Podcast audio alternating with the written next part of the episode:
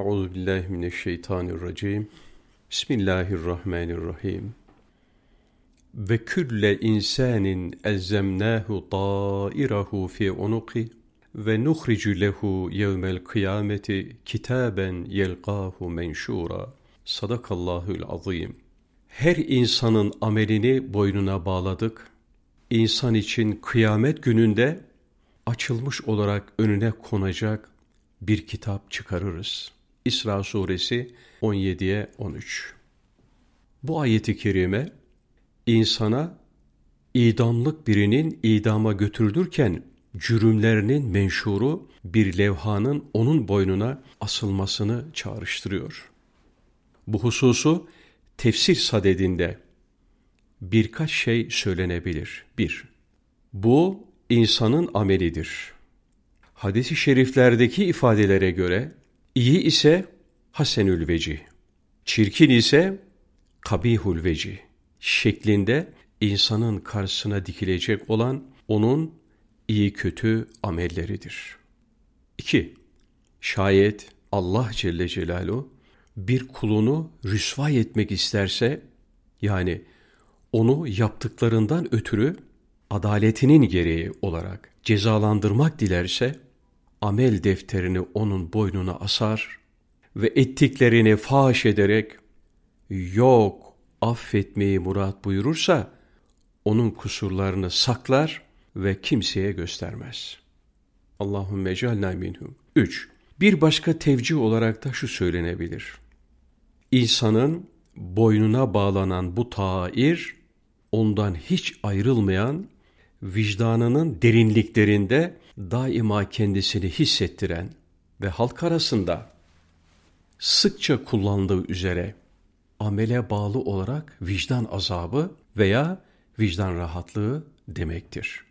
Hasılı her insanın nisbi kisbi de olsa iradesi etrafında örgülenen bahtı, kaderi, cesedin canla irtibatı, gölgenin bedenle münasebeti ölüsünde hep onun boynunda ve koynunda kendisini hissettirir. De ya bir sevinç ve inşirah olur onun için akar ya da bir hafakan ve gönül daralması şeklinde bir lahza onun yakasını bırakmaz.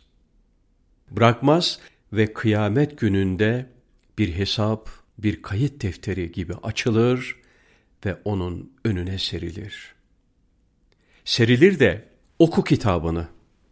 Hesaba çekilmene esas olarak bugün senin nefsin sana yeter denir. Dünyada her gün kendini okuyan ve sorgulayan, o çetin günün hesabını daha önceden yapıp kapadığı için emniyetle yürür cennetlere ve rıdvana. Açıkları olanlar da apışır kalırlar kala kaldıkları yerde. Euzu billahi mineşşeytanirracim. Bismillahirrahmanirrahim. Nahnu nequssu aleyke nebe'ehum bil hak. İnnehum fityetun amenu bi rabbihim ve zidnahum huda. Ve rabbadna ala kulubihim iz kamu fekalu rabbuna rabbus semavati vel ard. Len ned'uve min dunihi ilahen lekad kulna izen şadada. Sadakallahul azim. Biz sana onların başından geçenleri gerçek olarak anlatıyoruz. Hakikaten onlar Rablerine inanmış gençlerdi. Biz de onların hidayetini artırdık. Onların kalplerini metin kıldık. O yiğitler o yerin hükümdarı karşısında ayağa kalkarak dediler ki, bizim Rabbimiz göklerin ve yerin Rabbidir. Biz ondan başkasına Tanrı demeyiz. Yoksa saçma sapan konuşmuş oluruz. Kehif suresi 18'e 13, 14. Ashab-ı Kehf, mağara ashabı ve mağara yaranı demektir.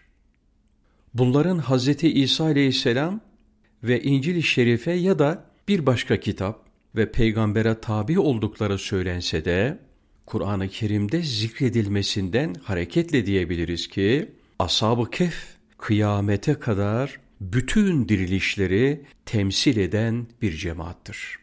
Çünkü bütün diriliş hareketlerinin mutlaka bir tazik ve bir de mağara dönemleri olmuştur ve olacaktır. Adetlerine gelince Kur'an-ı Kerim üç kişiye hayır, beş kişiye rejmen bil gayb diyor. Yedi kişiye ise sükut edip, sekizincileri kelpleri diyerek yedi kişi olmalarına kapı aralar gibi bir uslup kullanıyor. Genelde tefsir uleması da bu kanaata sahiptir. Ve buradaki ifade tarzının karakteristik özelliği de bunu müşahirdir. Ayrıca burada şöyle bir nükte de söz konusu. Kur'an-ı Kerim Ashab-ı Kehf'in sayısını yedi dedikten sonra bir atıf vavı ile ve theminuhum kelbuhum diyerek insan ile köpeğin birlikte cem olmayacağına işaret ediyor.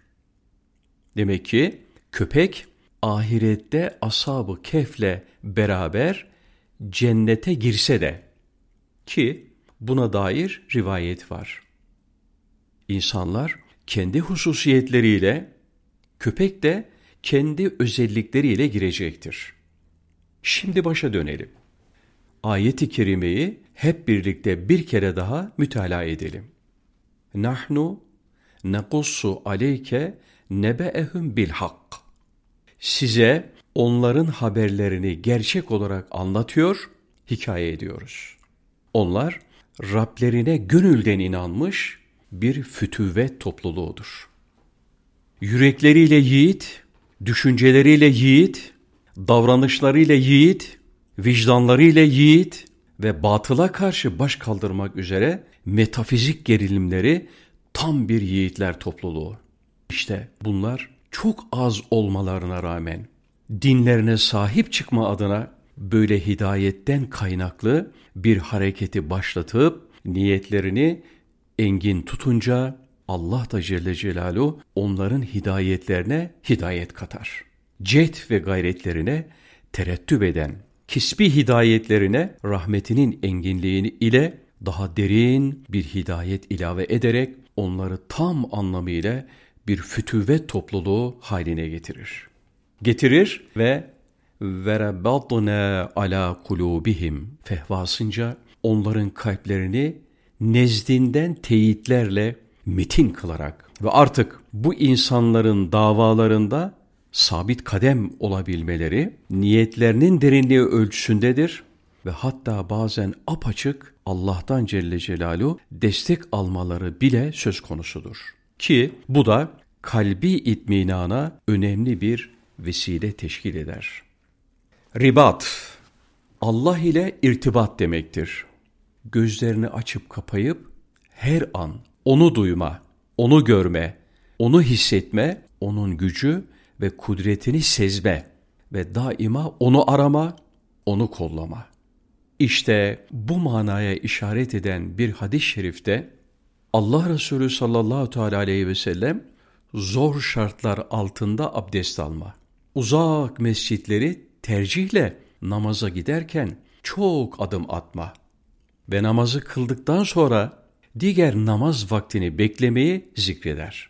Ve ardından da üç defa فَذَٰلِكُمُ الرِّبَاطِ فَذَٰلِكُمُ الرِّبَاطِ فَذَٰلِكُمُ الرِّبَاطِ Evet, işte sınır boylarında nöbet tutma seviyesinde kendini hakla irtibatlandırma budur. Çünkü ribat aynı zamanda sınır karakolu demektir. Öyleyse verebatna ala kulubihim biz onların kalplerini ilahi irtibatla teyit ettik demektir. Elbette böylesi irtibat ve itminana ulaşan insanlar hakperest, cesur ve fütursuz olacaklardır. İşte bu donanımlı insanlar. İzkamu hakkı tutup kaldırmak için kıyam ettiler. Ayağa kalktılar ve kalpsizliğe, mantıksızlığa baş kaldırdılar. Baş kaldırmanın dünya literatürüne varoluş felsefecileri sayılan Sartre, Camus, Marcus ile girdiği bilinir.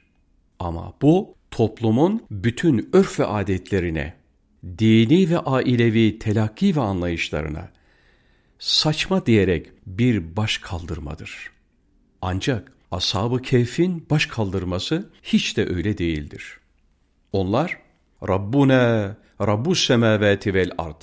Bizim Rabbimiz göklerin ve yerin Rabbidir deyip alternatif ikame ve inşayı göstererek baş kaldırıyorlar.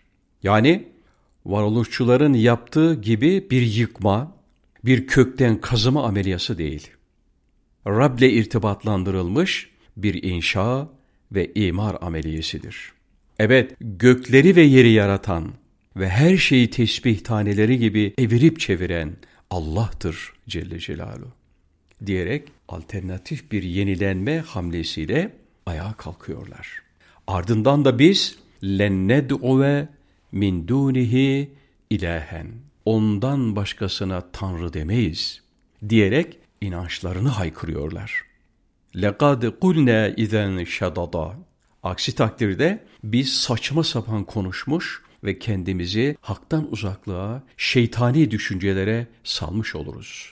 Deyip bir kutlu süreci başlatıyorlar. Bu itibarla da bir, onların toplumdan ayrılmalarını ve bir mağaraya sığınmalarını bir kaçış olarak değerlendirmemiz mümkün değildir. Evet, onların ayrılışı katiyen korkakların ayrılışı gibi değildir. Belki Hazreti Ömer'in radıyallahu an hicret ederken peşinden gelme ihtimali olanlara hem de gübekündüz Kabe-i Muazzama'ya giderek ben Medine'ye hicret ediyorum. Karısını dul, çoluk çocuğunu yetim bırakmak isteyen peşimden gelsin demesi ve ayrılması gibi bir ayrılıştır. Evet onlarınki de bir firardır ama Kur'an-ı Kerim'in ifadesiyle fefirru ilallah mazmununca Allah'a firardır ve Allah'a sığınmadır Celle Celaluhu. 2. Böyle bir baş kaldırma ve ardından kaybolma onların temsil ettiği düşüncenin o topluma zamanın yorumları ile farklılaşarak yeniden aksetmesine vesile olmuştur. Bu yiğitçe ve yürekten kükreyiş. Kim bilir o toplumun içinde nicelerinin kafalarını allak bullak etmiş ve nicelerinin gönüllerini yumuşatmıştı.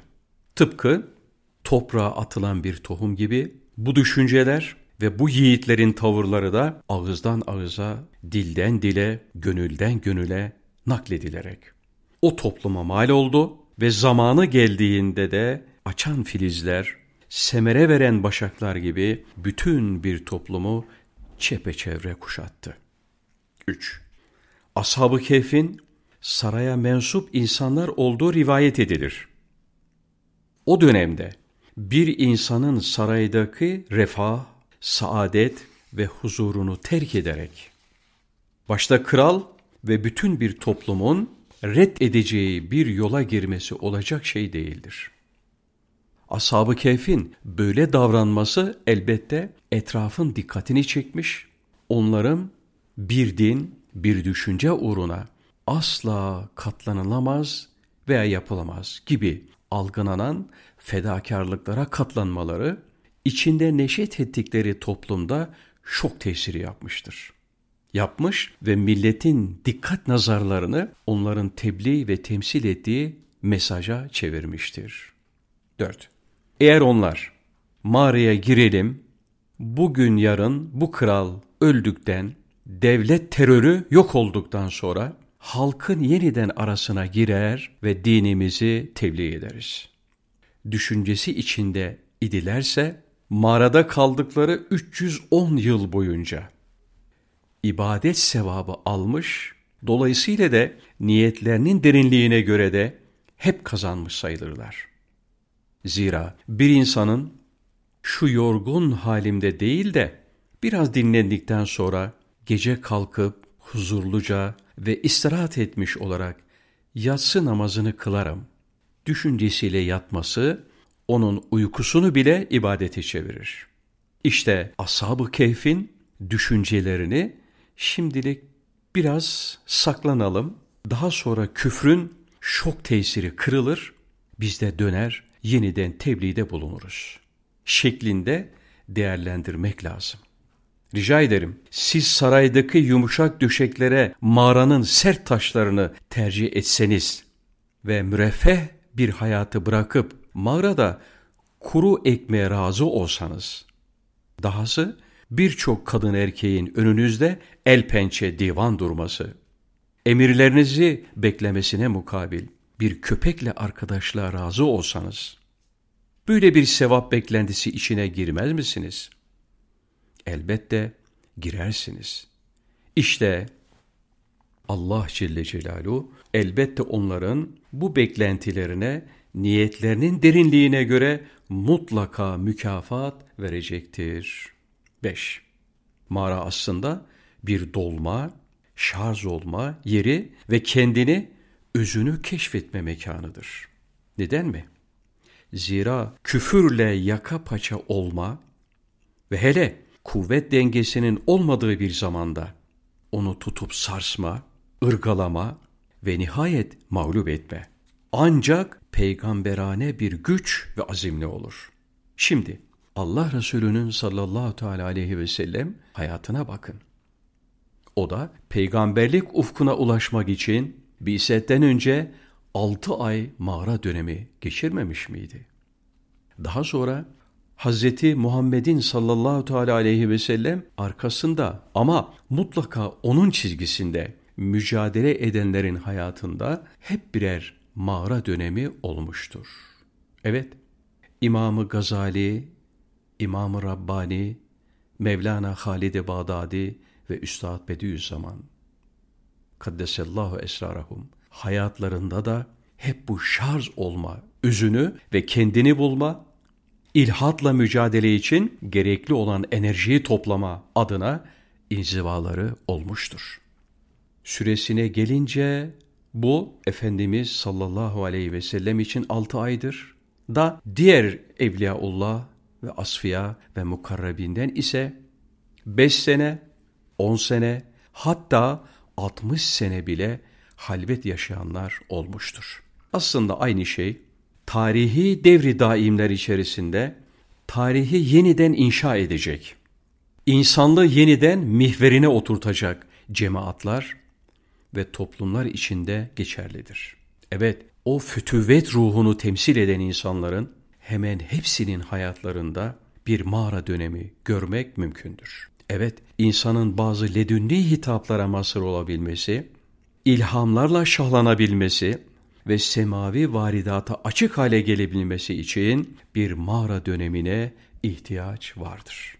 Meselenin böyle önemli mesaj yönü alındıktan sonra kitap ve sünnet-i sahihada söz konusu edilmeyen hususlara dalarak rejmen bil kayıp, vadilerinde dolaşmak, ashab-ı kefe mağara tayin etmek, bölge belirlemek, onları ve kavimlerini tazik eden zalim hükümdarların isminden söz etmek, nefse çerez birer bilgi kırıntısından ibarettir. Ve ruha, iman, marifet, muhabbet ve zevki ruhani adına bir şey vermemektir. Rabbena atina min ledünke rahme ve heyyi'lene min emrine raşede ve sallillahümme ala seyyidina Muhammedin ve alihi ve ashabihi ebeda.